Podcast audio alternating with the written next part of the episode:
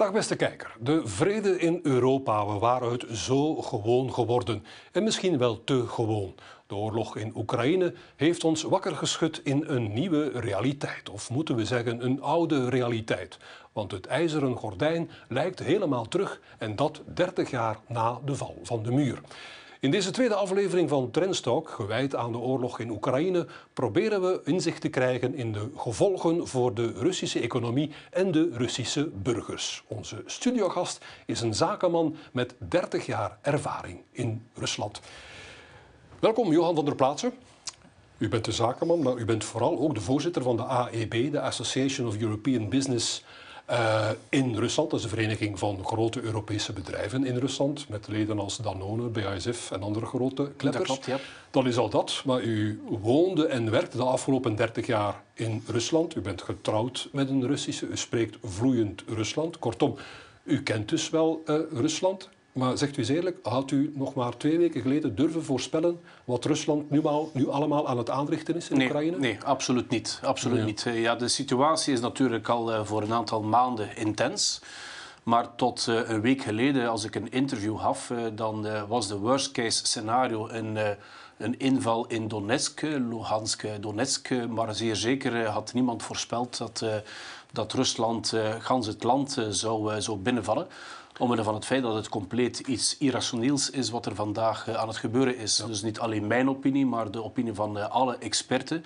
En zelfs de opinie van de Oekraïners zelf was, er komt geen invasie. En dit is dan toch gekomen. Want het zo irrationeel is, mogen we dan hopen dat er ergens iets gebeurt wat Poetin kan stoppen? Of is dat out of the question? Het is eh, een, een, een bijzonder moeilijke eh, periode, uiteraard, eh, Jozef. En ik eh, houd mijn hart vast. Ik denk dat we misschien het ergste nog niet hebben, hebben gezien.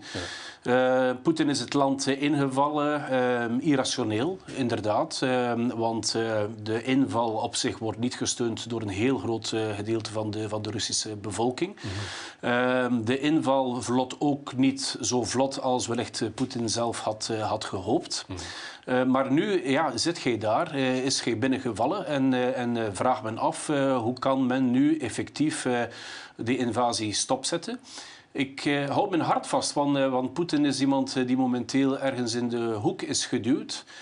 En die, tenzij dat we een mogelijkheid ook geven waarbij dat hij toch enigszins zijn gezicht kan redden, maar uiteraard dezelfde tijd het regime toch sanctioneren.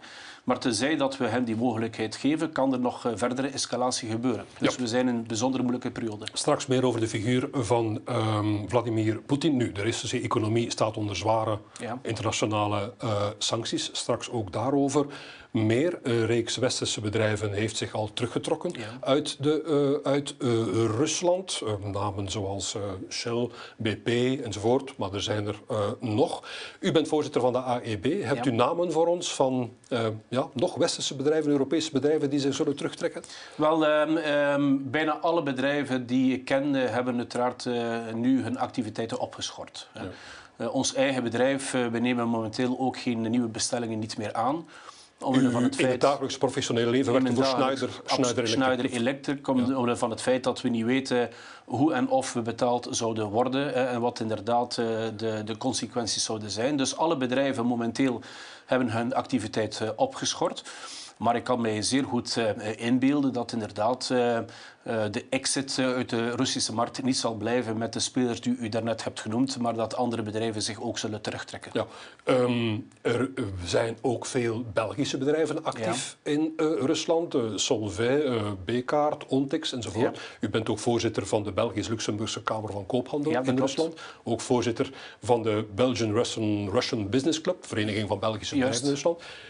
Komt er ook een exodus van Belgische bedrijven op gang in Ehm, ja, er zullen uiteraard een aantal eh, Belgische bedrijven het eh, voor bekeken houden. Dat, ben ik, eh, dat kan ik momenteel nog niet zeggen. Ik weet dat op het hoofdkwartier van de verschillende bedrijven de pro's en de cons worden afgewogen. Ja. Maar ook daar, alle bedrijven ehm, ja, zijn de risico's aan het inschatten. En ik vermoed dat toch een aantal bedrijven het land zal verlaten of op zijn minste zwaar zullen downsizen. Het moet toch een moeilijke afweging zijn. Als je als bedrijf blijft in Rusland, dan lijkt je het regime van Poetin te steunen.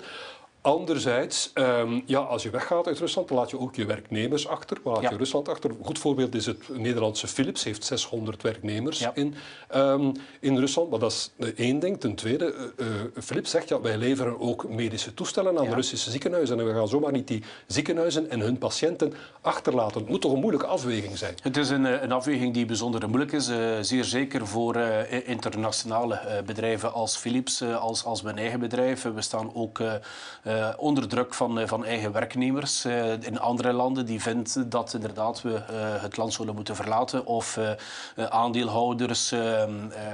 ja, het is bijzonder, bijzonder moeilijk wat er, wat er aan het gebeuren is.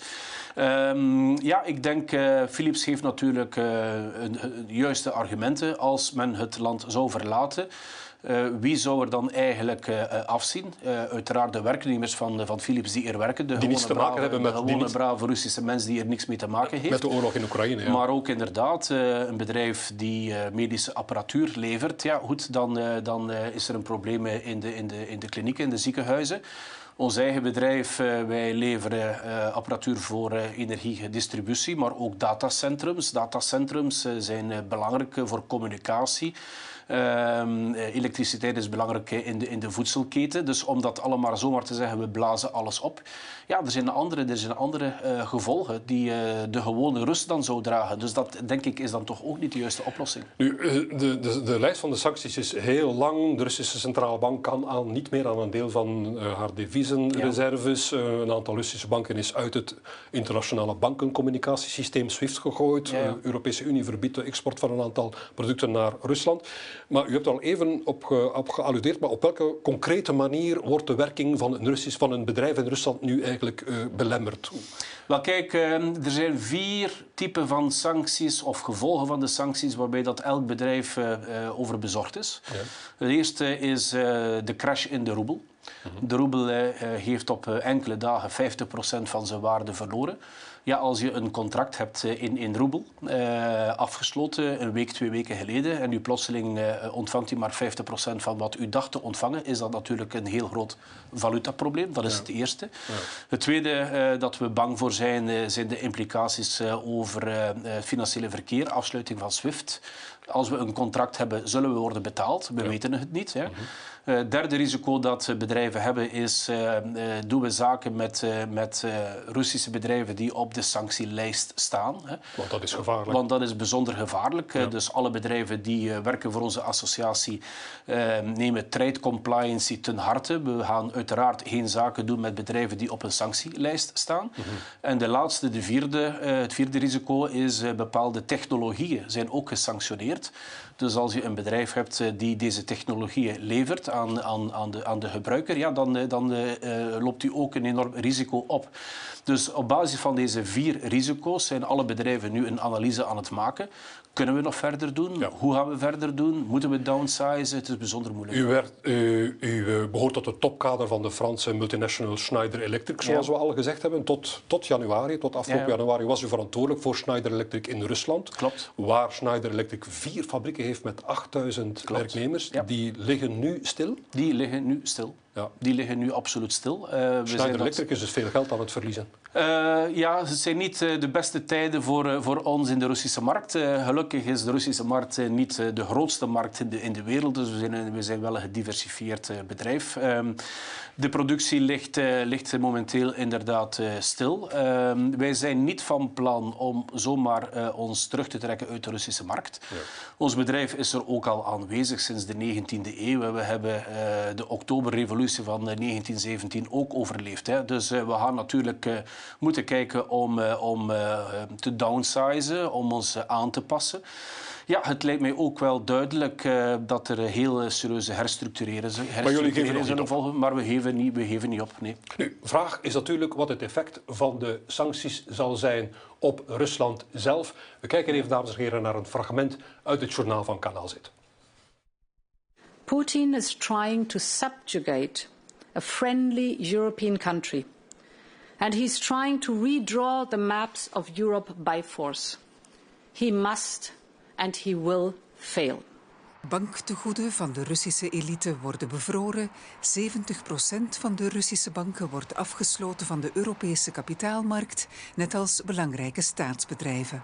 These sanctions will increase Russia's borrowing costs, raise inflation and gradually erode Russia's industrial base. Dat moet ertoe leiden dat Poetin onder druk komt te staan van zijn eigen bevolking en de elite.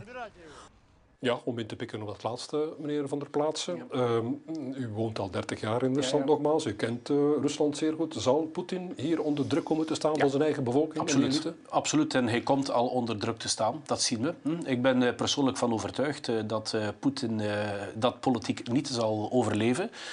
Maar wat we niet weten, en dat is natuurlijk de vraag, ehm, eh, hoe snel kan het gaan? Eh, er is inderdaad een, een, een grote ontevreden die ik helemaal niet heb gezien in, eh, in 2014 na de annexatie van de Krim.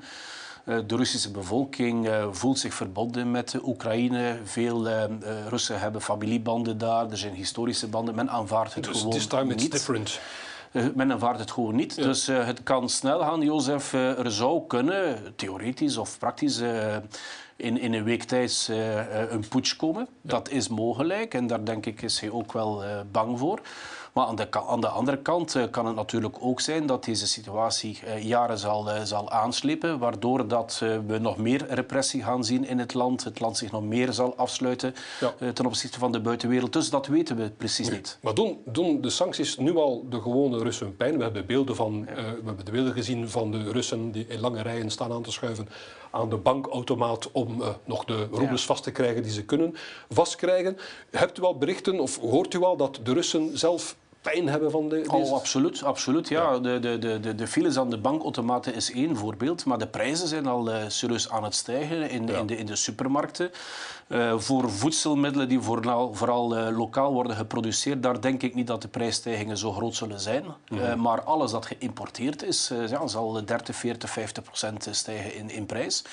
En dan eh, ja, voorspellen we ook eh, hele serieuze eh, golven van, van ontslagen. Dus de Russen gaan uiteraard pijn hebben, absoluut. Maar hoe zullen ze dat pikken als de repressie zo zwaar is? Eh, ja, nee, goed. Eh, eh, men gaat op straat. Er is, eh, men ziet inderdaad een onrust opborrelen. Maar het klopt ook zo dat eh, vele mensen worden, worden opgepakt. Ja, als je zelfs al maar een bordje ophoudt in stra op straat met de onschuldige woorden ik, ben, ik wil geen oorlog, dan vlieg je al in de gevangenis. Dat, dat risico inderdaad bestaat. En daarom zijn veel mensen gewoon bang om op, op straat te, te gaan. Absoluut. Nu, dat doet me ook denken, meneer Van der Plaatsen. Ehm, eh, hoe zit het met u? Mag u als ehm, AEB-voorzitter zeggen wat u denkt? Of wordt u dan in dat geval in Moskou afgevoerd door mannen in zwarte pakken die eh, u leren de juiste dingen te zeggen over Rusland? Ehm, ja, kijk, nee, we zijn natuurlijk ook wel wat voorzichtig. Het is eh, eh, absoluut correct dat we tot nu toe, tot nu toe altijd een, eh, een middenpositie hebben ingenomen. Dus u moest toch op uw woorden passen. We moeten op ons woorden passen, maar we spreken wel ook uit. Ik bedoel, ehm, de situatie die we vandaag in zijn, is eigenlijk het gevolg van een compleet falen van zowel de Russische kant, maar zeer zeker ook van onze kant, van de westerse kant. En als eh, associatie hebben we altijd eh, uitgesproken en we zijn nooit bang geweest om zowel het Westen te bekritiseren, maar ook uiteraard de Russische regering te bekritiseren. En door die positie tot nog toe zijn we toch altijd beschouwd van de twee kanten als een neutrale organisatie. Ja. En zijn we gerespecteerd geweest. Momenteel natuurlijk is de situatie op enkele dagen compleet eh, veranderd. En nu moeten we natuurlijk wel eerder oppassen met wat wij zeggen. Is het eerder, ja goed, eh, low-key. Eh, want we weten zelf niet wat, eh, wat de gevolgen zouden kunnen zijn als we te uitgesproken zouden zijn. Nu, om over eens de gevolgen van de sancties te spreken, de lange termijn effecten op de Russische economie, wat zullen die zijn? Komt de economie, Russische economie die sancties te boven ooit? Ehm, opnieuw een hele goede vraag. Ik heb geen glazen bol, eh, maar dat de sancties de Russische economie pijn gaan doen, dat is wel duidelijk. Eh, we hebben crisissen gehad in het verleden. Ik herinner mij zeer goed eh, de financiële meltdown van eh, 1998, toen dat ook de roebel op een paar dagen tijd eh, eh, enorm in waarde was gezakt, eh, eh, ook werkloosheid. Maar dat was een groot verschil. Eh, in 1998, toen dat Rusland eh, die crisis had, da- dan heeft het Westen gedaan wat het kon om de economie te helpen. Wereldbank, IBRD, ze probeerden de economie te helpen. Nu is het iets anders. natuurlijk. Momenteel is het het omgekeerde. Men Ja. doet eh, alles wat men kan om de economie kapot te maken.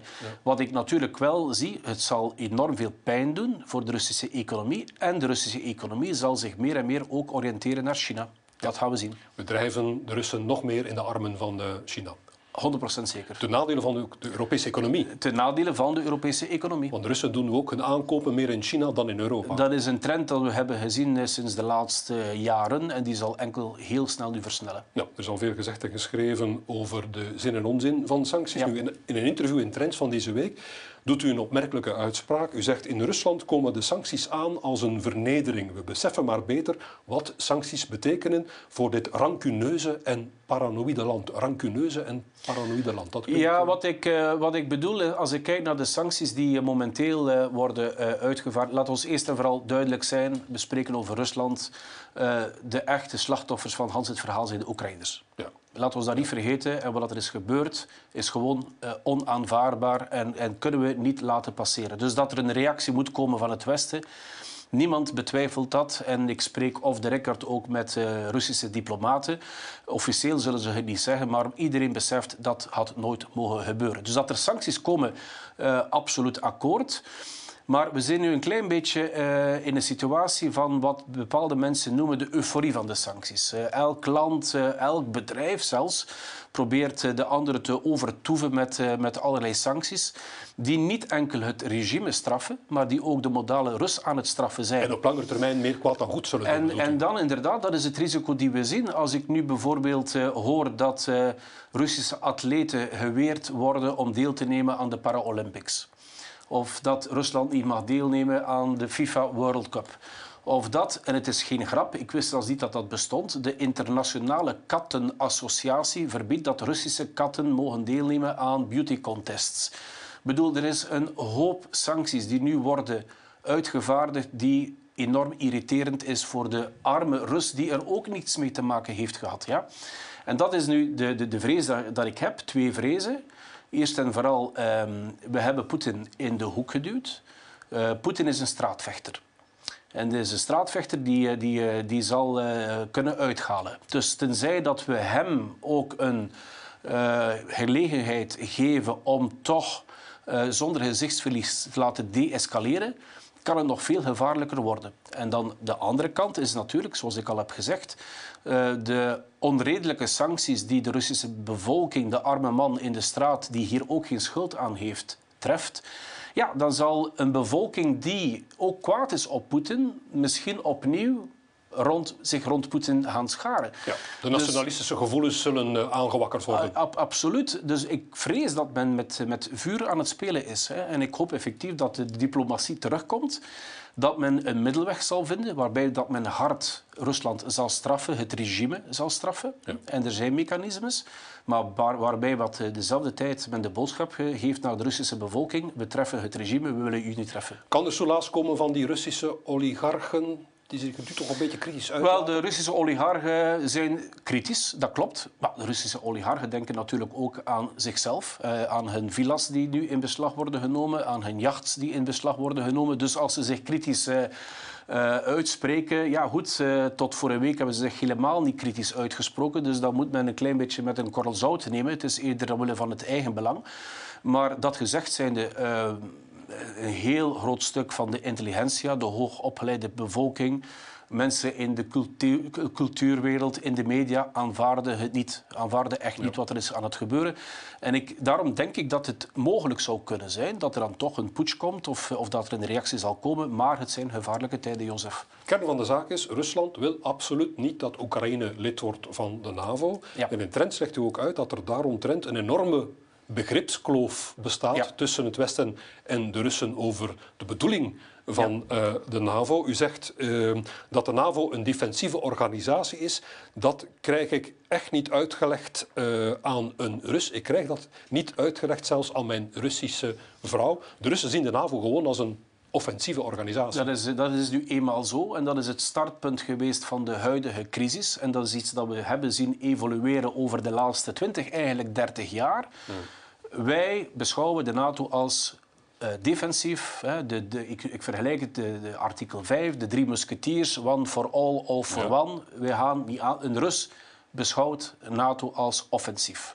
Dat is iets dat je gewoon niet kan veranderen in de perceptie. Nu, als dat de perceptie is, dan moet men natuurlijk daar ook naar handelen. Ja? ja. En toen dat uh, inderdaad, uh, en nu ga ik even terug in de tijd, uh, Duitsland werd herenigd, zijn er mondelinge garanties gegeven aan Gorbachev destijds door, door Kool, door Mitterrand, van een uitbreiding of een hereniging van Duitsland zal niet leiden tot een uitbreiding van NATO. We hebben gezien dat uh, half na half NATO zich heeft opgeschoven naar het oosten. We Nog hebben onze beloften eigenlijk van destijds verbroken. Dat wordt gezegd, inderdaad. En, en, ik weet dat de historici daarover debatteren. Maar inderdaad, dat wordt zo zwaar aangevoeld door de Russische bevolking. Waardoor dat uh, momenteel, ja, oké, okay, de grenzen van de NATO, uh, kijk naar Estland, dat is op 180 kilometer van Sint-Petersburg verwijderd, de tweede grootste stad van het land, die enorm heeft afgezien tijdens de Tweede Wereldoorlog. Dus voor een Rus is dat echt niet, niet aanvaardbaar. Want als de NAVO nu al zit tot en met in Estland, ja. dan zien de Russen dat als een regelrechte bedreiging. Men ziet dat als een bedreiging. Voor Sint-Petersburg in dit geval. En voor Sint-Petersburg, absoluut, en voor het land. En men wijst naar de interventies die de NATO destijds heeft gedaan in in, in Kosovo of in, in Libië. Waarbij dat inderdaad de NATO unilateraal heeft, voor goede redenen, dat, daar, daar discussiëren wij niet over, maar heeft ingegrepen in, in, die landen. Maar voor de Russen is dat dan een bewijs, zie je, het is niet defensief, het wordt ook offensief gebruikt. En als ja, de Oekraïne dan probeerde lid te worden van de NATO, dat waren alle alarmbellen die zijn afgegaan. Uh, Poetin heeft in 2007 al gewaarschuwd, dat moet stoppen. Ja. Het is niet gestopt. Niet, het is niet gestopt. En had men inderdaad... Uh, aan, en het is controversieel, dat besef ik wel, maar dan had men aan Oekraïne gevraagd, oké, okay, uh, uw statuut is zoals Finland of zoals Oostenrijk of zoals Zwitserland, neutraal. Dan was het vandaag dan misschien het, zover niet dan gekomen. was het vandaag niet zo ver gekomen. Nu, laten we even kijken naar de figuur om wie het allemaal uh, draait. De Russische president Vladimir uh, Poetin. Hij heeft het grondig verkorven bij een reeks westerse staats- en regeringsleiders. We hebben een aantal uitspraken op een rijtje gezet. For this, Putin will stand condemned in the eyes of the world and of history. He will never be able to cleanse the blood of Ukraine from his hands. Putin is the aggressor. Putin chose this war. Now we see him for what he is a blood-stained aggressor who believes in imperial conquest. Ja, meneer Van der Plaatsen, zien we nu het ware gelaat van uh, Poetin of is er iets aan de hand met die man? We hebben uh, de foto's gezien van Poetin aan een heel lange tafel ja. met Macron. Zo bang is hij om, uh, met Macron aan de overkant van de tafel, zo, lang, zo bang is hij om ziek te worden. Nu, er, er wordt gezegd, Poetin is volledig vervreemd van de, van de, van de realiteit, ja. wordt enkel nog omringd door een handjevol hardliners. Is Poetin aan het doortrappen? Die uh, vrees, denk ik, is een terechte vrees. Ja. Uh, uh, u verwijst naar de ontmoeting met Macron, maar dezelfde Macron heeft, heeft ook gezegd na vijf jaar dat lange tafelgesprek gehad te hebben, dat Poetin niet dezelfde Poetin was die hij kende van vroeger. Mm. Poetin ehm, is sinds twee jaar ergens opgesloten in zijn bunker. Mm -hmm. is doodsbang voor, voor COVID. Uh, is enkel uh, omringd door uh, andere hardliners die, die ook ergens gedisconnecteerd zijn van de, van de realiteit. Dat is gevaarlijk. En is, is gevaarlijk. En, en, en er wordt gefluisterd, voor wat het waard is, maar er wordt gefluisterd dat de man inderdaad ook wel ziek is. Dat dat een van de redenen is waarom dat hij zoveel afstand neemt van Macron, maar ook van zijn eigen politici met wie hij spreekt. Uh, dus dan zit u inderdaad met iemand die twee jaar in compleet isolement leeft, omringd wordt door, door ja-knikkers die ook hardliners zijn. En nog een grootste daad wil stellen. En die misschien denkt aan, zijn, aan zijn legacy. Oekraïne behoort tot het grote Rusland. En dat dat inderdaad een heel groot stuk van de verklaring is. Ik ben wel blij als ik uh, die videoclip uh, uh, zie dat men spreekt over Poetin. Men spreekt niet over Rusland. Ja. Opnieuw mijn punt. het probleem is echt rond de huidige regering en rond die huidige persoon. Ja, maar iets wat ik heel graag zou willen vragen aan u, meneer Van der Plaatsen, is het volgende. Ik laat mij zeggen dat de Russen doorgaans goed opgeleid zijn. Ja. Het zijn allee, verstandige mensen. Ja. En als Poetin dan in een tv-toespraak zijn oorlog in Oekraïne verantwoordt met argumenten zoals uh, we moeten de genocide van de Russen in Oekraïne uh, uh, stopzetten, doorzien de Russen dat dan niet? Of is die propaganda in de Russische media zo overweldigend? Wel, ja en, en, en, en nee. Uiteraard, veel Russen, en dan spreek ik de gewone Rus in de regio's bijvoorbeeld, haalt zijn nieuws van de staatstv. Ja. En als je naar de Russische tv kijkt, ja, dan is dat één propaganda. Ja. men spreekt eigenlijk nog steeds bijna niet van wat er gebeurt in Oekraïne zelf, rond Kiev. men spreekt over de aanvallen van uh, de Oekraïense fascisten ten opzichte van het arme Russische volk. De Russen geloven blijkbaar dat allemaal. En een groot stuk van de, van de, van de Russen geloven, geloven inderdaad uh, wat, ze, wat ze voorgeschoteld zien. Um, gelukkig is er natuurlijk nog steeds toegang, en men probeert dat nu te verhinderen via het internet, naar meer de realiteit, wat het echt aan het gebeuren is. En de ja. hoger opgeleide Rus, die, ja, die, die kijkt niet meer naar de staatstv en die beseft ook wel dat de realiteit anders is. Dus daar opnieuw is het een, uh, ja, een, een, een verhaal van, uh, van, van twee kanten. Ja. Nu, in een nu al historische toespraak van een week geleden zei uh, de Duitse bondskanselier Olaf Scholz dat we ja. een uh, Zeitenwende meemaken, een uh, omwenteling. Maar is dat geen mooi woord voor wat er eigenlijk aan de hand is? Namelijk dat we Poetin veel te lang onderschat hebben en nooit gezien hebben of niet hebben willen zien wat er allemaal echt speelde in, in Rusland? Maar zoals gezegd, uh, het had zover niet moeten kopen, komen, hadden we beter leiderschap gehad ook in het Westen. Ja, ja en hadden we beter opgelet dan... En hadden we, en hadden we beter Dan was er beter misschien opgelet. geen Zeitenwende nodig geweest. Ja, daar ben ik ook mee akkoord, ja. Ja, ja we hadden... Kan ik het zo samenvatten? Het ijzeren gordijn was weg, maar de kloof tussen beide kanten is altijd blijven bestaan. De kloof is, bij is, is blijven bestaan. En wat mij altijd frappeert, ik kijk naar, naar het westerse nieuws en ik kijk naar de Russische tv.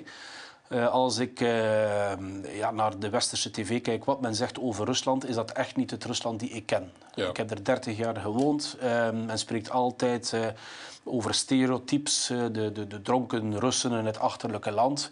Ja. Rusland heeft een, een, dynamiek die compleet wordt onderschat en een positieve dynamiek. Er is enorm veel mooie zaken zijn er gebeurd. Ja. Als ik dan kijk naar de Russische staatstv, wat men zegt over het Westen, ja, dan is dat ook niet het Westen die ik ken.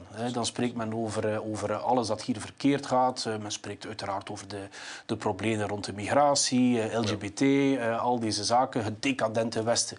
Dus aan de twee kanten is het nu eenmaal zo dat ja, de, de bevolking een ander beeld krijgt. En dat verklaart dan ook, denk ik wel, voor een groot stuk het feit dat we elkaar gewoon niet begrijpen. Ja, nu, uh, u zegt uh, ons beeld over Rusland is verkeerd. Laten we dat ook eens eventjes economisch bekijken. Uh, in Trend zegt u ook, tot voor de sancties, tot voor de recente ja. sancties, had het doorsnee Russisch gezin het nog nooit zo goed. Ja.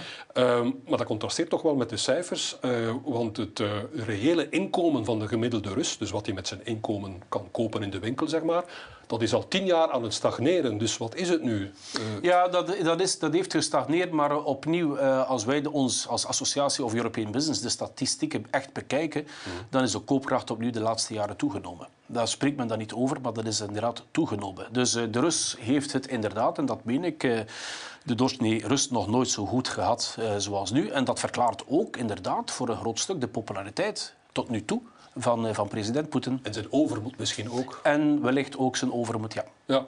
Nu, um, Rusland is een uitgestrekt land uh, met een groot leger en, en kernwapens, maar ja. is eigenlijk een klein economietje. In 2019, het laatste jaar voor de coronacrisis, was ja. de Russische economie amper groter dan de economie van de Benelux. Ja, ja. Maar Rusland had wel vijf keer meer inwoners. Dat zegt iets over de Russische productiviteit. Nu, ik zeg niet dat de Russen luieriken zijn, maar het, wat hier speelt, dat is dat de Russische economie toch nog altijd te verouderd is, te weinig gediversifieerd en te afhankelijk is van uh, olie en gas. Of moet ik ook dat beeld bijstellen? Wel, uh, kijk. Uh, had, moest Rusland op een, op, een, op een goede manier worden geleid, dan ben ik overtuigd met de, de, de, de bevolking, de hoogopgeleide bevolking die ze hebben, met inderdaad de, de, de, de grondstoffen dat ze hebben, met alles dat ze hebben. Rusland zou moeten het rijkste land of een van de rijkste landen van de wereld zijn. Ja. Het feit, de Russen doen het beter dan ooit tevoren, maar het kon nog zoveel beter geweest zijn als dat land op een transparante, normale manier zou worden geleid. Dat lijkt mij wel helemaal duidelijk. Ja. Je hebt daar een staatshoofd die nu per se oorlog wil voeren in de ja. Oekraïne. We staan waar we staan, uh, uh, meneer Van der Plaatsen. Kan u, durft u nog optimistisch te zijn voor Rusland en onze relaties met Rusland? Of is de Koude Oorlog weer helemaal terug voor, voor jaren ver? Oh ja, um, Nog eens, we staan voor bijzonder moeilijke tijden. Veel zal nu afhangen hoe dat, uh, ja, de diplomatie het verder afhandelt. Ja. We hebben er al over gesproken. Uh, ik ben niet noodzakelijk negatief of pessimistisch. Ik, ben, ik heb 30 jaar in Rusland gewoond. Ja. Uh, ik herinner mij nog toen ik in het begin van de jaren 90 als, als jonge snaak van 25 jaar voor het eerst arriveerde.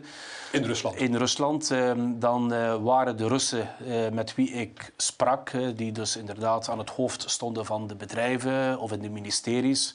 Dat waren Russen die bijzonder open waren om met ons samen te werken. Open voor het Westen? Open voor het Westen. Dat was de eerste, de eerste generatie die ik heb gekend. Dat ja. was inderdaad zij die uh, de moeilijkheden van de Sovjet-Unie nog hadden meegemaakt. Zij wilden leven zoals wij. We hebben ze ergens ontgoocheld. Mm -hmm. Nu zitten we met een, uh, de huidige generatie. Dat is de generatie die is opgegroeid uh, in de, de, de, bijzonder moeilijke jaren 90. De armoede van de jaren de 90. De armoede van de jaren 90. Toen Rusland probeerde een vrije markt in te voeren. Toen inderdaad Boris Yeltsin, die bij ons populair was, maar die bij de gewone Rus compleet onpopulair is. Men associeert die periode met extreme armoede. Ja. En dat is, een, dat is een generatie die nu aan de knoppen zit, die effectief... Van de vrije markt in het Westen niet moet hebben. Die daar niet zoveel moet van hebben. Ja. Maar in mijn eigen bedrijf, uh, Schneider Electric, dan zie ik nu die nieuwe jonge snaken van, van, van 25, 30 jaar oud die eigenlijk niemand anders hebben gekend dan Poetin in hun hele leven. Mm -hmm. En die nog niet eens waren geboren in vele gevallen in het begin van de jaren 90. Dus dat jaren. referentiekader die de propaganda gebruikt van we hebben nu zo goed, kijk wat er was in de jaren 90, dat, dat, dat, dat, dat komt niet over. Ze zijn, uh, ze zijn uh, Poetin uh, beu, kotsbeu, ze zijn de corruptie beu. Maar ze zijn jong, ze zijn 25, 30 jaar jong. Ze zitten nog niet aan de knoppen van de economie of, of, of van de staat. Um, geef het um, uh, tien jaar uh, en deze generatie zal ook opgroeien, zal ook leidinggevende posities innemen. En het is hyperbelangrijk dat we ons niet vervreemden van deze generatie. Als ik uh, bepaalde mensen hoor pleiten van we moeten aan de gewone Rus nu visa weigeren om naar ons land te komen. Fout. Fout, fout, fout. Mm -hmm. Integendeel, men moet deze jonge generatie uitnodigen om naar ons te komen, om te zien hoe wij wonen, hoe wij leven, zodat ze, als ze terugkomen, dat ze inderdaad zien dat er een ander Europa is dan het Europa die ze leren kennen op de Staatstv. En intussen zullen we de vingers gekruist houden. Onze tijd is op. Meneer ja. Van der Plaatsen, bedankt voor uw komst naar de studio. En uh, ja, laat ons de hoop niet verliezen. Inderdaad. Dit is het voor Trendstalk van dit weekend, dames en heren. Volgend weekend is Johan Krijgsman te gast. Hij is de CEO van vastgoedmakelaar ERA Belgium. Collega Jan de Meulemeester stelt de vragen. Graag tot een volgende keer. Thank you.